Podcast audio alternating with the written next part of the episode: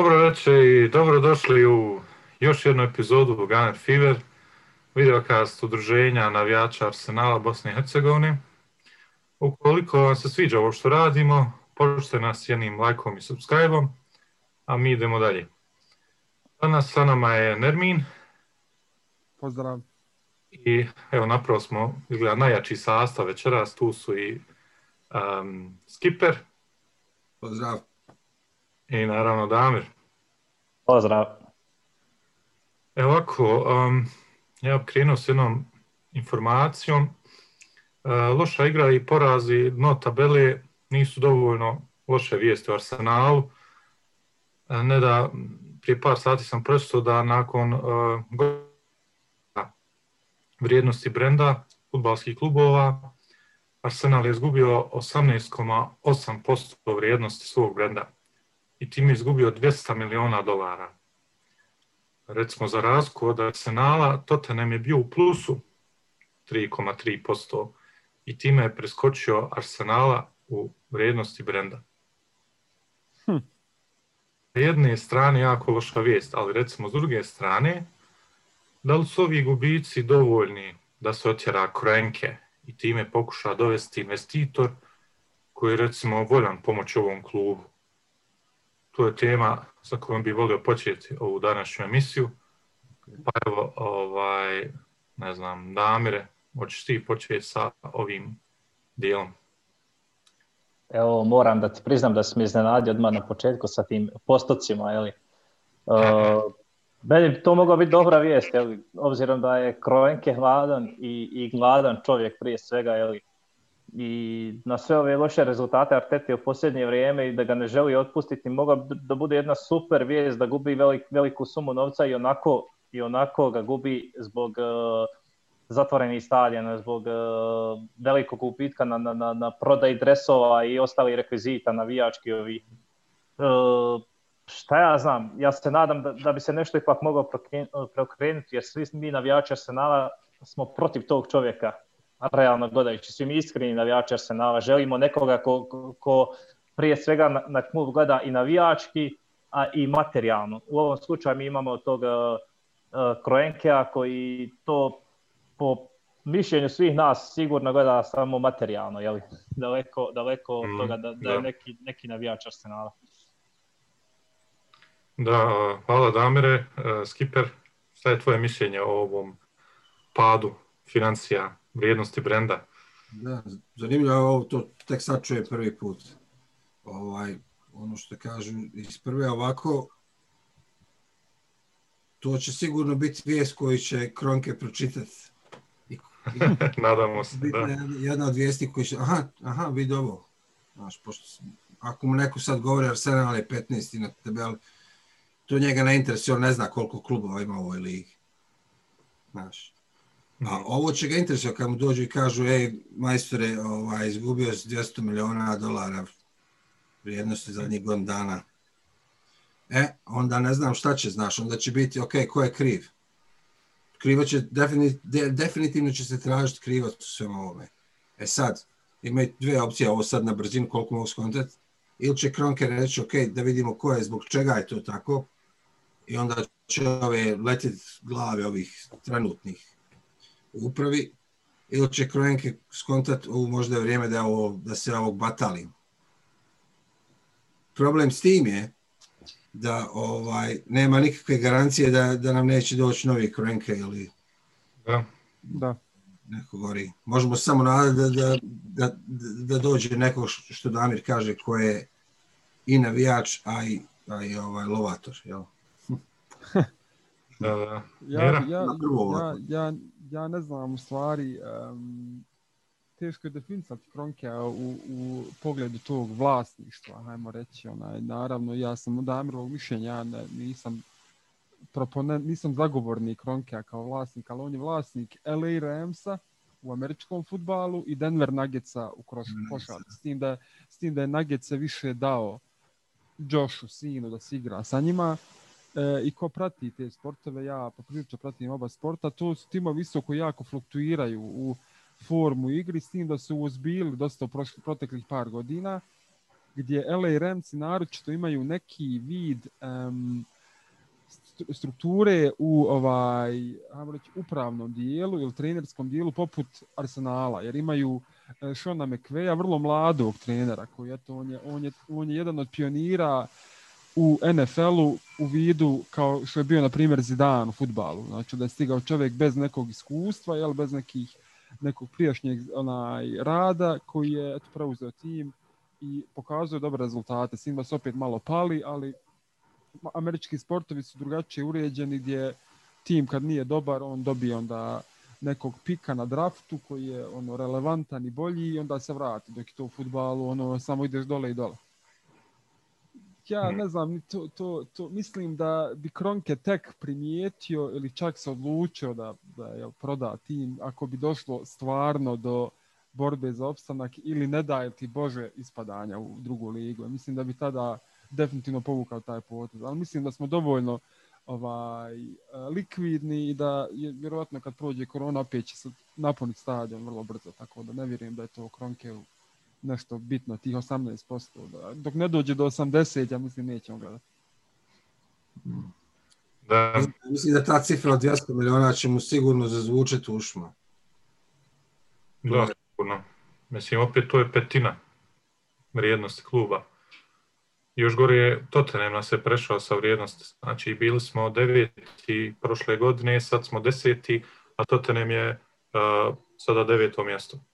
E, to je Kronke u totalno nebitno. Ne znam, što se tiče njega, to ne može biti najskuplji na svijetu, mislim, njega to ne interesuje.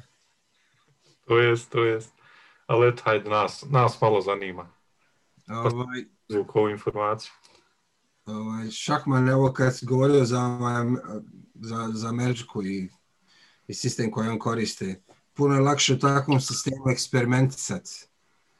Jer kao što sam reče, u, u, u košarci, ako, ako te ne ide loše, imat ćeš, imat ćeš ovaj first pick on draft i, i, i, te fore.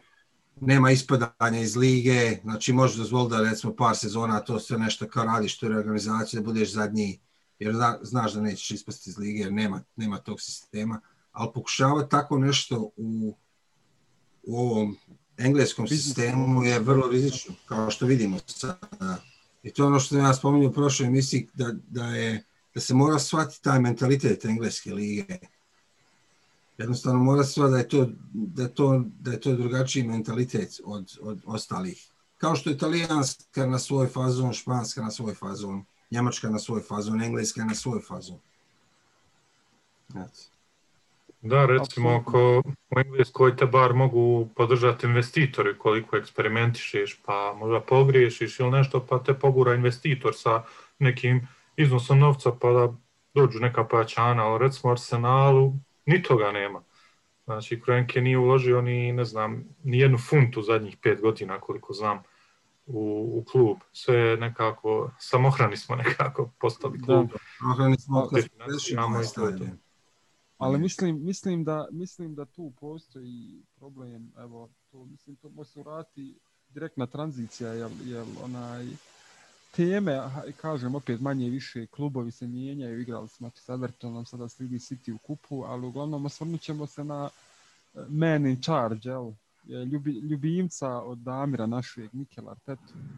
E, moramo se osvrnuti na tog čovjeka koji ovaj, stvarno, kažem, gubi kredibilitet i gubi volju kod, kod velike većine baze navijača ovog kluba. I to je problem zato što mnogi navijači, uključujući mene, nisam, nisam za brza promjena, apsolutno. Nisam zato da se čovjeku daje otkaz, naročito tek je godinu dana, evo punih kako je preuzeo klub od Fredija Ljungberga koji je uletio par utakmica gdje, gdje čovjek vjerujem da ima više, čak i nego Wenger posljednjih godina, definitivno više nego Emery, punu podršku i igrača i uprave. S tim da je uprava to i pokazala transferom Tomasa Parteja. Tako da ja, ja mislim da je ovo e, da je Arteta prva Kronkeova igračka ili prvi Kronkeov ljubimac na trenerskoj poziciji gdje se on stvarno zainteresovao i gdje je stvarno dao tom čovjeku vremena i vidio tu neki projekat. Pa Damire, da vidim uh, sa tobom, ne, ti otprilike znamo na forumu tvoje stavove vezan za Artetu, ali kada bi imao tu moć da sada donosiš odluke, kako bi e, se sada ponio prema svemu tome? Da li bi Arteta bio na meti otkaza, Arteta jedu u paketu ili bi još malo razmislio e, o trenutnom stanju i dao mu neku šansu? Ja ne bih više pružio priliku ni Arteti ni Jedu da ostanu u Arsenalu.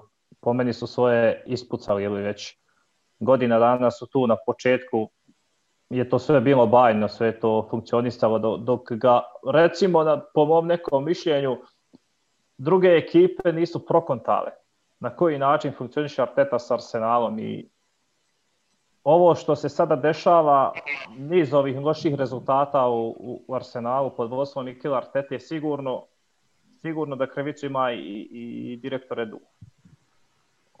Taj transfer Vilijana na inicijativu više vjerujem Liza nego Mikel Arteta sad, sad mi to sve prolazi kroz glavu. Zašto, na primjer, Remziju se nije dao novi ugovor dok je Emery bio trener doveli smo Williama, dali smo mu toliki novac na, na, tri sezone, Chelsea mu nije htio obnoviti ugovor, dao su maksimalno na jednu godinu. Uh, jeste, doveli su partija kojeg je Arteta silno želio, želio Ovara iz Liona, to mu nisu ispunili.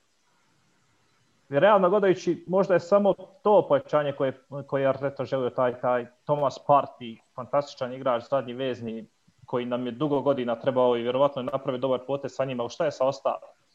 šta je uradio sa, sa ostalim dijelom ekipe, izostavio je Lindunzija kojeg je poslao na posudbu Hertu iz Berlina, izostavio je Ozila, Ma, u redu je to, izostavio se Ozila, ali kad izostaviš Ozila moraš da imaš neke rezultate da to sve pokriješ.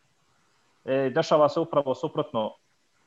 Baš na onoj poziciji gdje igra Ozil fali čovjek e, da, da, da riješi neke probleme. Ne kažem ja da Ozil može riješiti neke velike probleme sada u ovom arsenalu, ali definitivno je pogriješio sa, sa izostavljanjem tog čovjeka van sastava. Da li je stvar politike?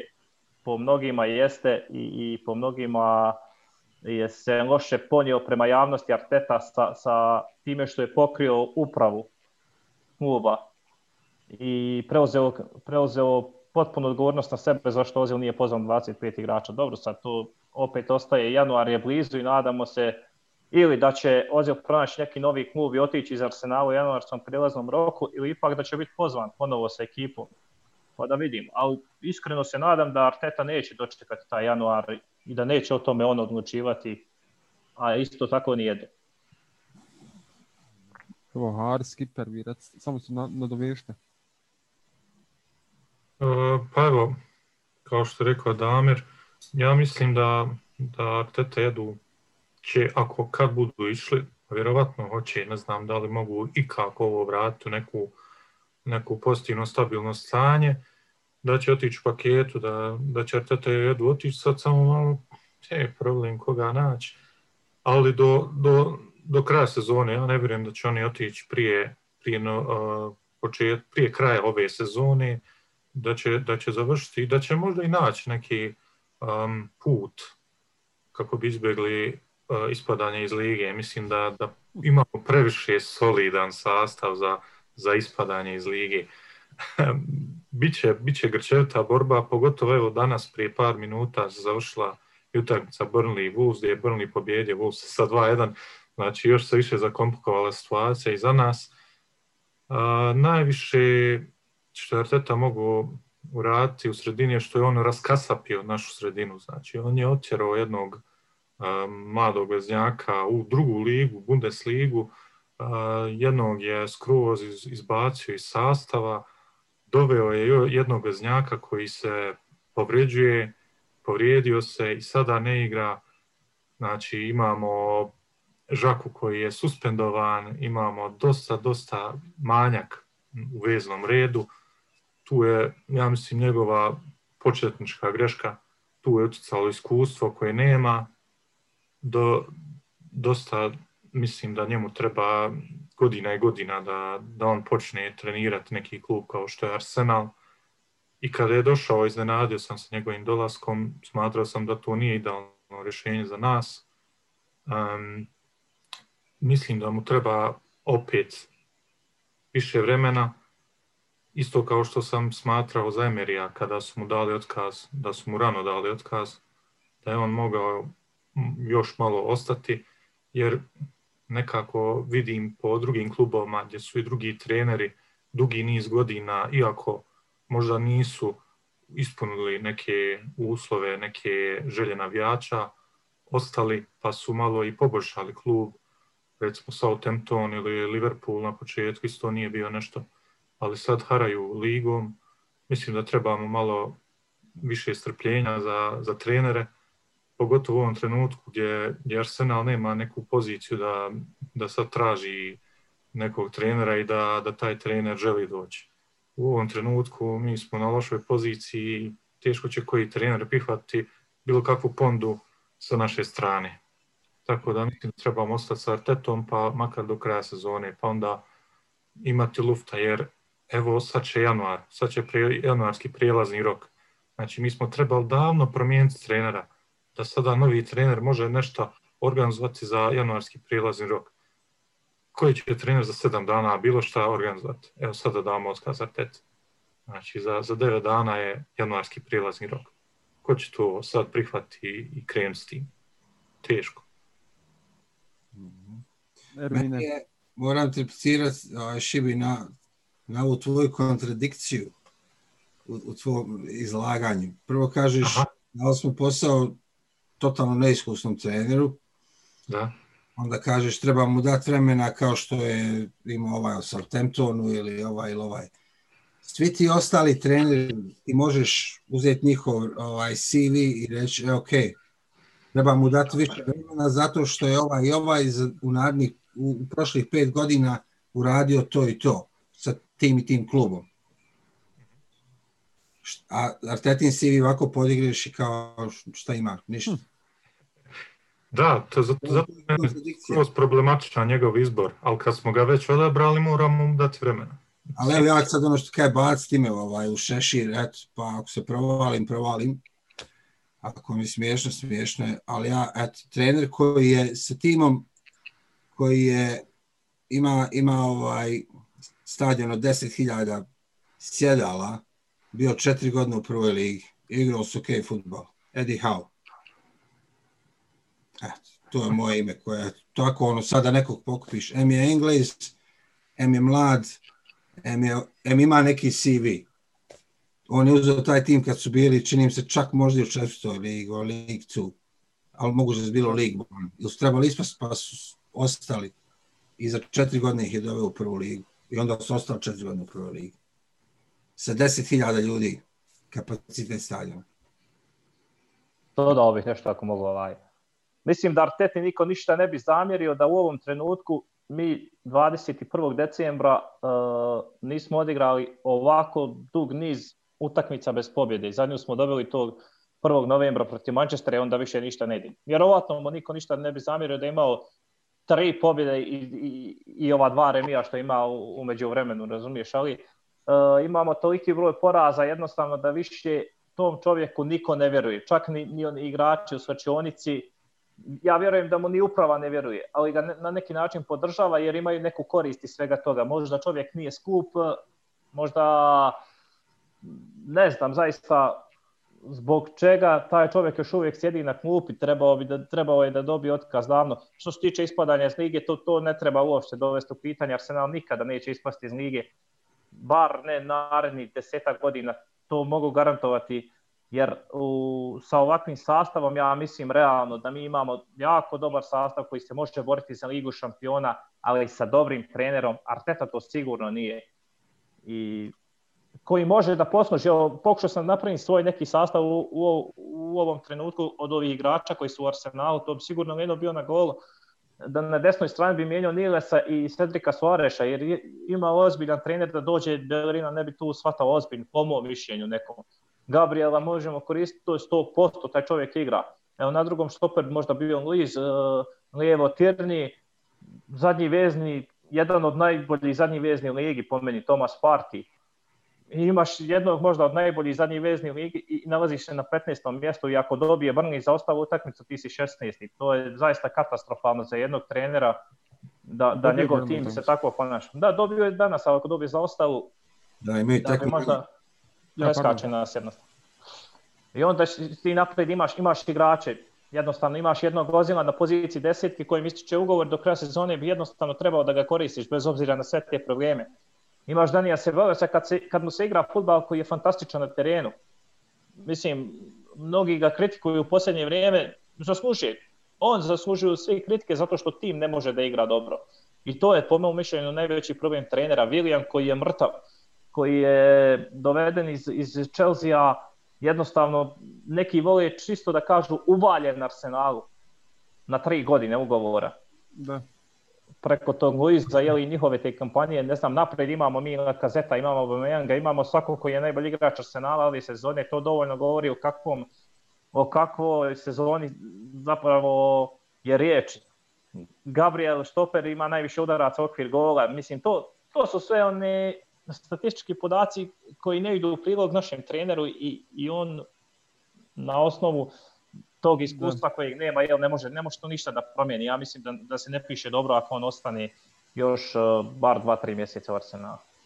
Kad si, kad si već spomenuo te statističke podatke, to je odlično da se mogu nadovezati eto, na svu trojicu, jer, jer, jer sam stvarno analizirao Artetu i izjave i sve komentare vez, igrača vezane za njega, pa da krenemo te statistike.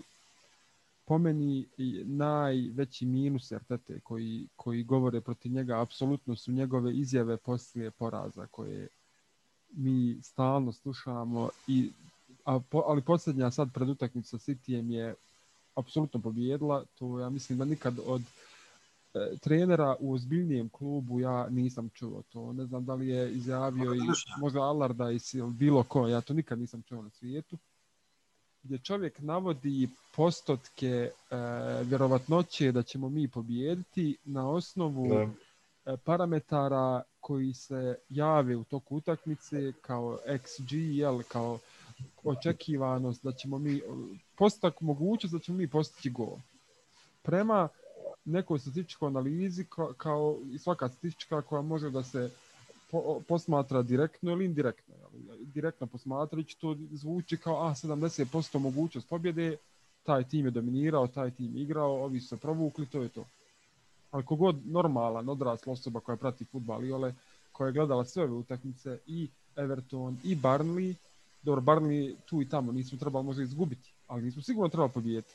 A naroče Tottenham ne bi rekao da smo mi tu po nekom statističkom parametru trebali pobijeti utakmicu. Samo zato što je čovjek bez ikakve ideje imao 70 ubačaja i, i onaj oštao možda iz neke situacije kao Viljan ovo prošle utakmice sa ljevicom za 30 metara. To nisu statističke uh, predispozicije da mi, neku, da mi pobjedimo utakmicu a to čovjek navodi u pres konferenciji kao menadžer Arsenala. Je, to, meni, to je meni šamar u lice, jer taj čovjek očito ne vidi svoje probleme u igri. Jer on, on je ubijeđen da on igra neki lije futbala. To meni nikako nije jasno. On je ubijeđen da on igra neki kao sve je tu, samo nema golova. Ali apsolutno nije ništa tu i ne može biti ni golova. Ja, meni nije jasno kako je pet ili ne znam, pet, sedam preskonferencija prošla, mu niko nije samo onu sliku sa Sky Sportsa naveo da smo zad, među zadnjima u kreiranim prilikama, među zadnjima u brojima šuteva, među zadnjima, ne znam, ona treća stiska koja može biti golovima, jel, nije ni bitno. Da nikoga ne pita za to. Da ga niko ne pita, na primjer, za tog Vilijana Damire, koji igra 15 utakmica za redom. Čovjek nije imao jedan šut okvir gola, jel, cijelu sezonu, sam to do, dobro čuo. Da, jedan šut okvir gola, 11 Pa o čemu mi pričamo, ljudi? Jer, da. jer, je li moguće da neki tim izgubi 6-2, kao Bielsin Leeds i izgleda opasniji od nas koji odigramo 0-0 ili 1-0. On je opasniji izgleda od nas šest golova primili. I prije bih rekao gledajući njih... Kad su mi dali dva gola zadnji put? a prije bih rekao gledajući njih, evo vi će zabiti još pet i pobijedit će 7-6, jel? Nego mi da ćemo stići 1-0. Mi ne možemo stići 1-0. Kako ćemo stići? Eto, odbila se ona penale, bio Maitland najaz, eto, malo je odlučio da ispadne iz sistema, malo je krenuo na tu mrtvu loptu i eto ga penal, izvuko je ali inače ovi ljudi igraju apsolutno negativan futbal i zbog toga Arteta gubi e, podršku svih navijača. Nije, nije problem, sve Harci sve sti u pravu. Mlad je, treba mu dati vremena, sve se sve, ali da mi vidimo na terenu bilo šta, a pošto mi ne vidimo, ja ne vidim, ne vidim potrebu da čovjek u tom se daje vremena. Jel? Tako, evo, evo dobar to... test. Ja. Evo dobar test. Godinu dana je Arteta ovaj, u menadžer, well, head coach pa onda menadžer Arsenala. Ajde, evo ovako, dvije tekme, samo spomenite gdje su mi nekog rasturili. Jel ne mogu Europa Liga? u Ligi, pardon, u Engleskoj. Ne, ne, u... Ne, Htio, ne, Dandal. Htio sam reći Dandal, kad znam. Možda ja sam mogu sjeti prvog januara kad su dobili Manchester United, Čiku. Ja sam to i rekao, ovo, ovo moglo biti dobro.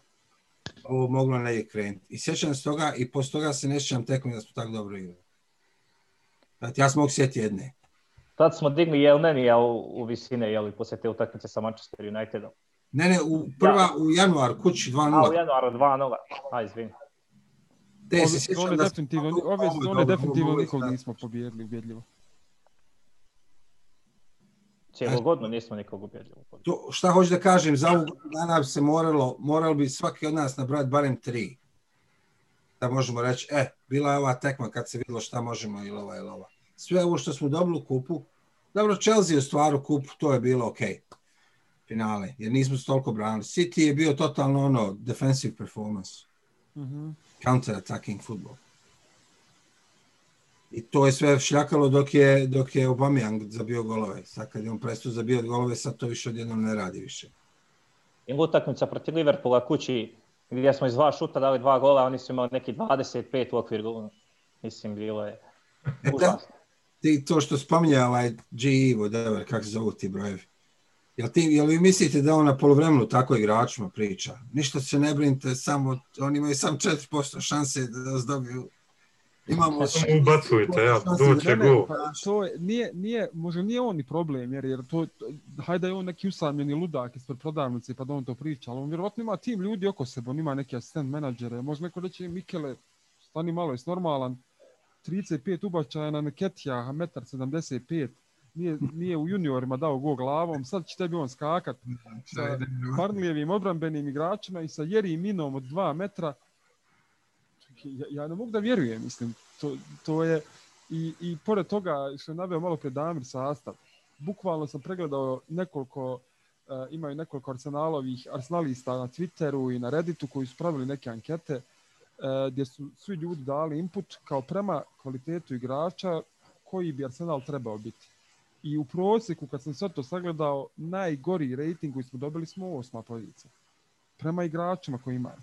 Jer mi imamo bukvalno, eto, ako nabrojimo taj, tu top četvorku, jeli, City, United, Scam, ne brojim ja u top 4, ali broje ga oni, jel, Scam, Liverpool, to su četiri tima, tu je pored toga Everton, eh, Wolverhampton, eventualno, Leicester. koga?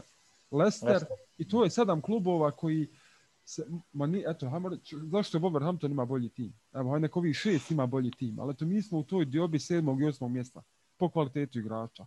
Ja sam prvi zato da imamo dosta otpadnika u timu. Ali da budemo 15. na tabeli s ovim timom, mislim, to, to je absurd. To ne, da ih vodi ne znam tko. Kad Damir spomenu Gab, Gabriel da je Gabriel naš najopasniji napadač, koja je to ironija, pošto mi trenutno imamo u skodu pet napadača, od koji svaki na papiru izgleda kao da je ili vrhunski ili bi mogao biti vrhunski napadač u budućnosti. Aubameyang, Lacazette, Naketija, Martinelli i Balogan. I nama je, nama je Gabriel najopasniji igrač. Šta, šta tu neštima? Tu očigledno nešto neštima. E, ali ova, ova izjava što on spominjao procente, on je dao još jednu izjavu večeras, to je danas ona izjava o borcima i žrtvama. Ja, yeah, yes. victims. Nevjerovatno. Nikako se ta izjava nije svidjela. Trebaju nam borci. Tačno je, ne postoji više dvije vrste ljudi u životu. A, ovaj, a drugo je što s tom izjavom on stvar dijeli igrače. Znači, ova priča smo i pričali u klanoma. Sad, sad igrač sjede i konte koji sam ja, sam ja fighter ili sam ja victim, kako mene vidi ovi, znaš, loša izjava skroz. Po meni. Nekako se sve, sve se čini da iz dana dan gubi skočioncu. I sve više i više, već ju je izgubio, već smo to najavili neki možda 6-7 videokasta unazad. ali iz dana u dan čovjek sve više i više gubi svačoncu sa tim izjavama i ima te izjave potpuno poput nekog dječaka poslije utakmica, nekog neotesanog dječaka koji ne zna šta da kaže, ali pa ono kao iznerviran sam pa daj što bilo. Jednostavno ne vidim, ne vidim neki kontinuitet, ne vidim dosljednost. Pošto radim uvijek Gunner Fever, uoči neke utakmice, sad radim utakmicu EFL kupa. Čala ga je nazvao Mickey Mouse kup, jel tako ga mi posmatramo, ali prema preskonferenciji trenera to je nevjerovatno bitno takmičenje gdje mi idemo full, gdje, gdje, gdje sam ja lično htio da vidim sa vama, ja sam htio da razmišljam o opcijama da li će možda Saliba igrati ili Balogun, a ja vjerujem da će on izbaciti 100% najbolji tim koji ima jel, najbolji u njegovim očima i to je malo zabrinjavajuće Harce.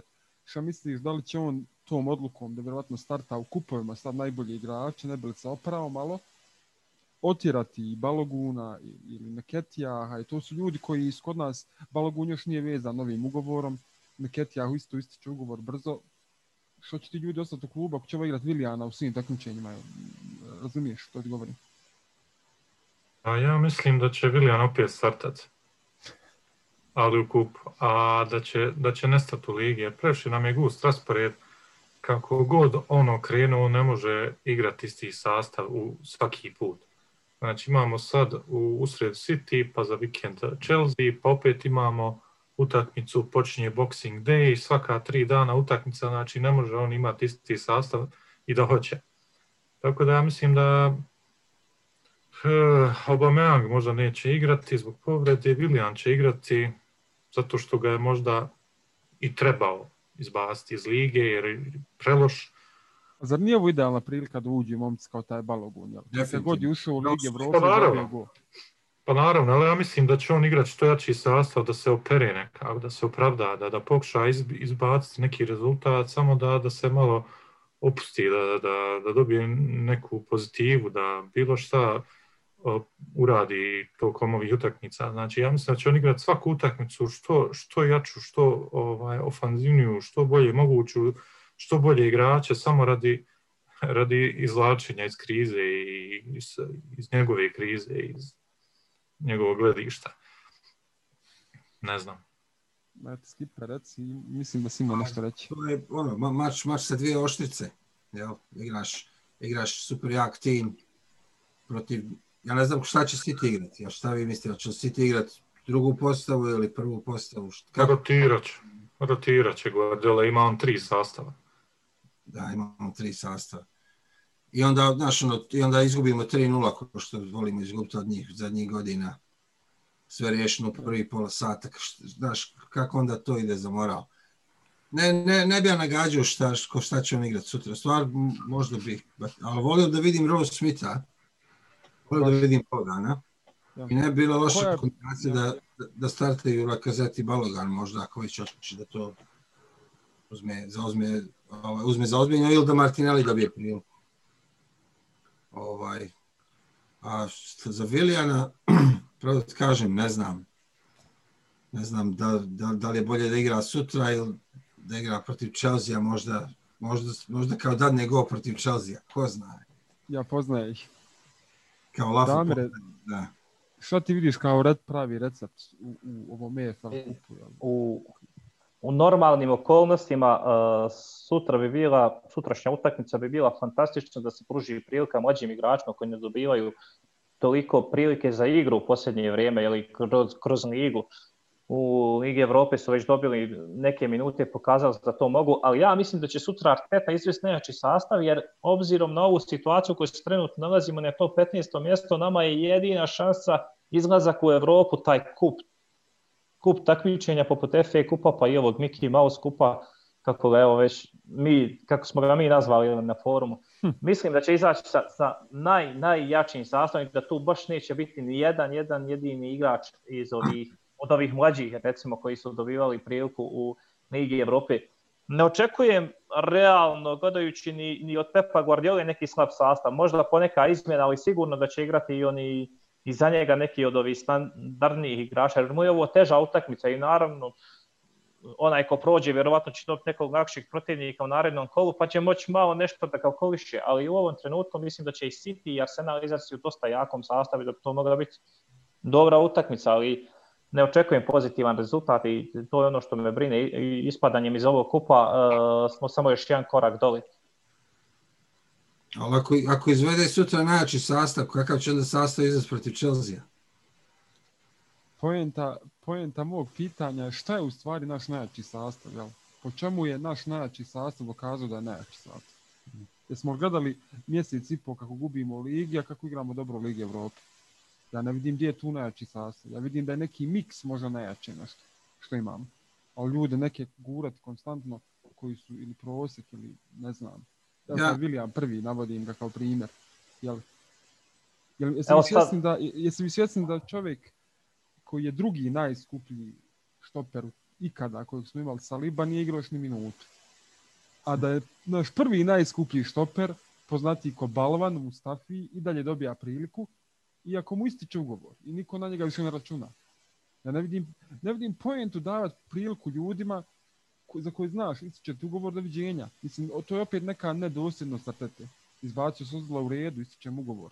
Sokratisa u redu, Kolašinca, hajde, to je tvoja odluka. Pa izbaci na tog Mustafija, daj priliku ljudima na koje računaš za iduće dvije, tri godine. Ne ubacivati neke ljude nebitne, a onda ovi mladi igrači kad odu jer mladi igrači nisu toliko bitni, na primjer Balogun Englez, Neketija Englez, ti njih možeš prodat kod šale, to su, evo Maitland Niles može otići ko halva za 35 miliona u svakom trenutku, 30 miliona. A to ne možeš uraditi sa nekim Sokratisom ili sa nekim Mustafijom. To, to, oni izgubili na vrijednost. O tome je priča. Hmm. Ja, ja mislim da će biti neki miješan sastav sutra. Mislim Nadam. da će biti Leno na golu. Mislim da će Kolašinac igrati na lijevoj strani. Mislim da će dati Cedriku desnu stranu. I mislim da će ovaj... Belerina da ga ne bi naljutio. Mislim da Belerin previše odmah. Belerin, naravno. Zabo, izvinite, zaboravio sam Belerina. Kako da ne... Nemo, nemo ni slučajno, molim te, veliko igrača. Mislim da će Mustafi vjerojatno igra sutra. Možda u paru sa Luizom. I da će igrati El Neni. Jer ja imam osjećaj da će on protiv Chelsea igrati Sebalosa i uh, Šaku ponovo. Čaka se vraća. Nije čaka, nije, jel odradio čaka? Čaka se vraća, pa sutra mu je ta treća, zar ne? Ja, kup se računa isto. Oj, ne do Bog, ne do Bog, povuci tu riječ. A zašto? Ne, ne... što je igrao sa Šakom i se balo sam u finalu kupa. A od tada je Chelsea kupio sedam igrača. Tako da to jako... E, onda ne znam poslije Alnenija koga misli igrati. Očekujem Alnenija u sredini. Ne znam, pa se, šta je... Ne, ne, ne, znam, nekako jedina dilema tu, hoće li Viljan igrati ili neće. Evo ostalo, može sva, svašta nešto biti. Ako bude igrao, znači da ga izgubi. Ako ne bude, onda znamo šta, šta čekamo za vikend. Ovo ostalo, svašta se može desiti. Može i Pablo Mari igrati, može Bellerin, aj ne mora, može i Maitland Niles, svašta nešto se može izrotirati tu, ali to me nekako najviše ba, ubada me u oko to, ta pozicija lijevo krilo, će li možda Martinelli startati, jo, to bilo ekstra, umjesto Vilijana, to me nekako najviše iznenadilo pozitivno. Ali vi mislite da su, da, da, da, da su Tete Guardiola večeras na telefonu, ono, kao, ajde, ćemo li igrati miješane sastave, nemoj se da... Ja mislim da su oni stalno na telefonu, pogotovo sad kako je, kako je Teta u krizi, mislim da on stalno traži neke savjete od Guardioli, ali i pričati. Ja mislim, da, ja mislim da je slaba mreža Guardiola, jer se očito nije dugo javio, ovaj, jer Arteta nije promijenio ništa u igri, ima dva mjeseca. Vjerojatno ga je Guardiola stavio malo na hlađenje. Ja, ali dosta ga hvali. Pa ja bih ga hvalio, hvale ga i navijači Uniteda, Tottenhama, puno ga hvale. Jedno čekam, samo produžite Artetu 2030. Samo ne bude trener, odlično. Ja, mislim da su oni i dalje u normalnom odnosu. Ne, ne vjerujem da su u nekom... Naravno. Da su zakačeni. Naravno. Mislim da, da možeš ti pričati sa Gordiolom kao sa, recimo ja s tobom. Da njih dvojica tako mogu pričati bez problema. Sigurno, sigurno. Ja. A to su prijatelji ne znači da su jednako kompetentni kao treneri. To, to samo da podebljam. Nisu ni blizu. tako da, um, što smo naveli na početku, spominjali smo Edu Ajertetu i uh, sada je tržište igrača kao i direktora futbala ili jako primamljivo. I ja bih naveo tri osobe, kratko, ne znam koliko vremena imamo, koji su koje bi za klub veličine Arsenala i za Kronkea i za sve ljude u upravi trebalo biti jako interesantno. To su Ralf Rangnick, čovjek koji je kompletnu Red Bull franšizu futbala digu na noge, Salzburg i Leipzig, prije toga Hoffenheim, sjećamo se, koji je prije 20, 20 nešto godina govorio o pre, gegen pressingu futbala, to ovaj stil igre koji igra Jürgen Klopp najviše. Pored toga Luis Campos, čovjek mađončar koji je uh, u Monaku i Lilu prodao igrača za vrijednosti milijardu i pol. Znate, onaj Monako, sve one igrače, Fabinho, Bernardo Silva, Marcial itd. To su, to, je sve, to su sve njegovi njegova otkrića, ti dragulji koje on skupio za uh, Monako. Naravno, nakon toga je bio Lilu i nama uvalio Pepea, tako da to sam jasno kakav je to umjetnik čovjek. I kao treće ime, uh, jedan od favorita navijača dugi niz godina i dalje je Mark Overmars, koji vjerujem da nisam ne bi gore odigrao od Vilijana, da ga sad ubacimo. Nije, nije, nije malo stariji, ali ne bi puno gore odigrao. Ali čovjek je bio osam godina direktor futbala u Ajaxu i napravio od jednog Ajaxa koji je imao jel, Huntelara i one no neimere, neke slabe igrače, napravio revoluciju i uh, opet je doveo sve mlade igrače, znate sami koliko je Ajax profitirao transfera i kakve su rezultate pravili Ligi prvaka. Znači to su tri čovjeka koja bi potencijalno mogli zamijeniti Edua Gaspara koji, koji je e, pokazao ko, na koji način on radi, koga on favorizira. Favorizira određene agente i određene igrače, tako je dobio i Vilijana, i Luiza, i Marija, i Sedrika, sve iz istog kalupa. Pa da li imate vi, šta vi očekujete, da li, mi, da li ćemo mi uopšte pucati na te ljude, hoćemo, hoćemo uopšte ponudu dati ili, ili su to ljudi već prodani negdje drugo? Damire? Sva ta tri imena su se vraća na onu politiku Arsenala koja je vođena evo, zadnjih 15 godina. E, sve jedno ime navedeno večeras e, fokusirat će se na te mla, mlađih igrača, dovođenje nekih nevelikih zvijezda. Jeli. Mi smo posle Wengera očekivali možda će doći neki čovjek koji će biti sposoban da dovede neko jače ime u Arsenal. Zbog toga smo tjerali godinama Wengera, evo i na kraju smo doživjeli to i da ode. Nekako smo se i pokajali što smo se što smo toliko pljuvali po čovjeku da se tako izrazim, jeli, nakon uh, svih ovih rezultata koji smo doživjeli poslije njega, ali definitivno da, da mora doći neka smjena generacija. Sva ova tri imena nekako vraćaju na onu politiku koju smo vodili pet, zadnjih 15 godina. Prvo je se pričao kao gradimo stadion i moramo naše najbolje igrače da prodajemo, da se fokusiramo na mlađe igrače koji ne koštaju mnogo. Ajde kasnije kad, kad, kad je se otplatio taj kredit za stadion, uh, bilo je riječi kao da je Arsenal stabilan klub sa novcem, da ima novca, da može kupiti, to su kao potvrdili sa transferom Mesota Ozila iz uh, Reala u Arsenal, pa kasnije navodno i i Pepea iz Mlina u Arsenal za veliki 70 miliona koji se nije isplatio. Dobro, dešavaju se te stvari, ti transferi koji, koji ne prolaze jednostavno. jednostavno. Nismo jedini klub koji je možda bacio, bacio novac na nekog igrača. Mislili smo kad smo dovodili Pepa, vjerovatno u tom momentu mlad igrač, e, perspektivan i, vrijedi više za njega dati 70 nego, nego za Zahu koji je isto tako možda dvije, tri godine možda stariji od njega, ali pogriješilo je se gotovo, završena priča tu. Ako bi morao da bira, meni bi ovaj Njemac Rauf bio fantastičan, jeli? ali obzirom da ako on dođe, on želi sve sam da radi. Taj čovjek gdje god je radio, radio je sve sam. I on je trebao, uh, čini mi se, prošle sezone da potpiše za Milan. Uh, Stefano Fioli je bio na klupi Milana i trebao sam da završi sezonu, međutim odradio jedan dobar posao, tako da je uprava Milana odlučila da zadrži Stefana Fiolija, koji je bio kao opcija, ostaće Zlatan Ibrahimović ako ostane i on. Ibrahimović je odlučio da ide ako se promijeni taj trener, jeli, I tako da je Rauf ostao bez tog posla u Milanu. Šta ja znam sad u ovom trenutku da dođe u Arsenal, ja nekako najviše bi volio njega, obzirom da je Overmars i naš čovjek uh, vjerovatno navijači ga priželjkuju, ali ima još jedno ime koje se tu spominje, to je Edwin van der Sar, pa su navijači podijeljeni oko toga, obzirom da je taj čovjek godinama branio za našeg uh, najvećeg rivala, recimo u Tottenham, Manchester United, bio je tu u Engleskoj branio za Da, ali ovo je, ovo je profesionalni futbal i to zaista sad nema nekih velikih veza i ako bi čovjek mogao da napravi dobar posao u Arsenalu, ja svakako se odlučio i, i doveo ga na, na, na poziciju tog sportskog direktora.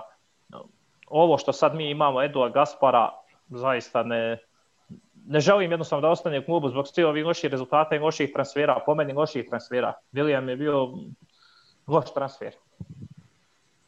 Da nije bilo Vilijana, drugačije bi se pričalo. Vilijan je ta boljka u očima. Evo to, er, Haris, Ervine, recite. I skip. Ajde, uh, ne znam, ne, ja, to, to, to nisam baš, to nije baš moj fah, ali ovako Overmars. Jer ovaj, taj, taj tim Ajaxa od prije par godina, ovaj, što je izgubio Tottenham u polufinalu, to bio nevjerovatan tim, stvarno jeste. To je jedna od luđih utakmica koju sam ja gledao, taj, taj hm. Ajax tekmo. Šta ja, ne, ne znam. Ovo Edu, ne, negdje sam prošao ovo Edu, a tete i ovo sve kaže, kaže ko, ko ni sopranos za sirotnju. da, to, da je to kao ono, sve neki mutni dijelovi ispod nešto, sve, znaš, ono, zalizan kao gangster, ovo, ono, a kao ono, pozadne, ono, kao ra, raspad sistema. Ne znam, ne znam. Hare? Um, pa evo, kada bi se moralo birati između tih, uh, vjerovatno bi Ragnika doveo, ali evo, što, kao što Damir kaže, taj, taj trener, on, on se više oslanja na, na to dovođenje mlađih igrača i suštini preprodavanja takvih igrača i zaradu na kraju krajeva. Za pitanje kakav mi želimo klub da imamo, da li želimo Arsenal koji dovodi talente i onda ih prodaje velikim klubovima i onda ostanemo opet bez tih kvalitetnih igrača, želimo Arsenal koji dovodi otpade tipa Vilijana i da li želimo da se tako nastavi, recimo Luiza, hajde dobro Luiz tu i tamo, ili želimo Arsenal koji dođe na tržište i kaže e, hajmo se takmičiti sa najvećim klubovima svijeta za ovog i ovog igrača. E sad, za tako nešto treba nam i novca i treba nam menadžer s takvim uh, mindsetom. Naravno, sa, sa takvim... Ja, zato, znači, nam treba novi vlasnik. Da, krenuši od glave, naravno vlasnik sa ambicijama većim, sa ljubavi prema futbalu, a pogotovo mislim prema Arsenalu, jel, koji bi bio voljan dati bez problema određenu svotu novca koji bi podržala, koji bi taj novac podržao tu upravu i naravno menadžera ili trenera koji bi pravio taj neki novi sastav malo ambiciozniji, bolji, skuplji, kao što sad rade recimo najveći klubovi, Liverpool, City, Barcelona, Real. Ja bih recimo Allegrija najviše volio vidjeti kada bismo sad pravili neke želje. Ali, gledaj, e, ova tri čovjeka nisu baš u kontri s tim što ti govoriš. Oni su ljudi koji su bili u klubovima koji su manjeg profila od Arsenala, ali su svi ti klubovi bili konkurentni u svojoj ligi čak i za titul. Mislim, eto, taj kampus, mislim, to, to kampusa ne možemo očekivati jer je on blizak prijatelj Mourinho, jel? Ako gdje dođe, doći će Mourinho. On je radio i samo bio je konkurent Mourinho u ligi, kad je Mourinho vodio Porto, uh, bio je sa njim u Realu zajedno. Mislim, čovjek je mađioničar. On je bukvalno napravio kostur tima Monaka koji je osvojio ligu protiv naftaša, bukvalno. Znači, osvojili su ligu, Monako. Uh, Rangnick je također napravio Salzburg, Leipzig, uvijek su konkurentni u ligi, barem za prvo, drugo, treće mjesto. Oni prodaju igrače jer moraju, uvijek ima klub većeg profila i tako i dalje ima klubova većeg profila od Arsenala. Samo bi sad bio to korak iznad. I Ajax je uvijek bio konkurentan u ligi. Evo vidjeli, govori i Skipper, bukvalno polufinale Lige prvaka igrali ljudi. Šta smo mi igrali u posljednje vrijeme? I, eto, i opet prodali su Delihta, prodali su te ljude, ali konkurentni su. Znači, bukvalno samo e, e sviđam se kod tih ljudi što Edu nema, Edu nema viziju za sebe, jer bukvalno nema iskustva. Ovi sad imaju iskustvo gdje, što je rekao Skipper, izvadi CV, evo, evo, to sam, evo. Vidi, ima iza ne znam, 10 godina igrača i filozofije futbalske. Slobodno ti mijenjaj head coacha. Obitno je da sam ja tu kao menadžer, da ja dirigujem transfere i da je sistem tu, ta priroda, taj ambijent, a dole head coach se mijenja, pa neki Allardyce, neki Steve Bruce, nije ni bitno. Ja sam gore da ja njemu dam igrače koji mogu igrati futbal koji mi hoćemo da igramo. E takav nam čovjek treba. Jer ne može Arteta oboje, ne može ni jedno, kamoli oboje. Pa to, to znači da se Arteta treba da se ono demoted od menadžera nazad u head coach. Ako A jel, ostane. Jel vidiš ti neki Da. razlog sve bi on ostao menadžer? Pa ne vidim ni jedan, ali ovaj, sve više više to ukazuje da je to bila velika greška ovog ljeta. Da li su oni htjeli uštediti pare time, pa rekli, ono, ne treba nam direktor futbola, da prebacimo sve na Artetu. A on kao, ok, super, znaš, ugodilo njegovom ego, ne znam. Ja se ne bi zaknuo, na primjer, da, da ni jedan Abramović nije čovjek koji voli Chelsea. Ni to ovi šejci što imaju City, da su to ljudi koji vole City. Već jednostavno su vidjeli kroz možda neki duži period da bi tu mogli izvući neku svoju korist i kao odlučili smo na početku da potrošimo, da uložimo u tim, da napravimo tim koji će biti konkurent najviše ciljeve za osvajanje e, prvenstva domaćeg prije svega, pa onda i, i, pokušaja osvajanja onog najvažnijeg takmičenja Lige prvaka.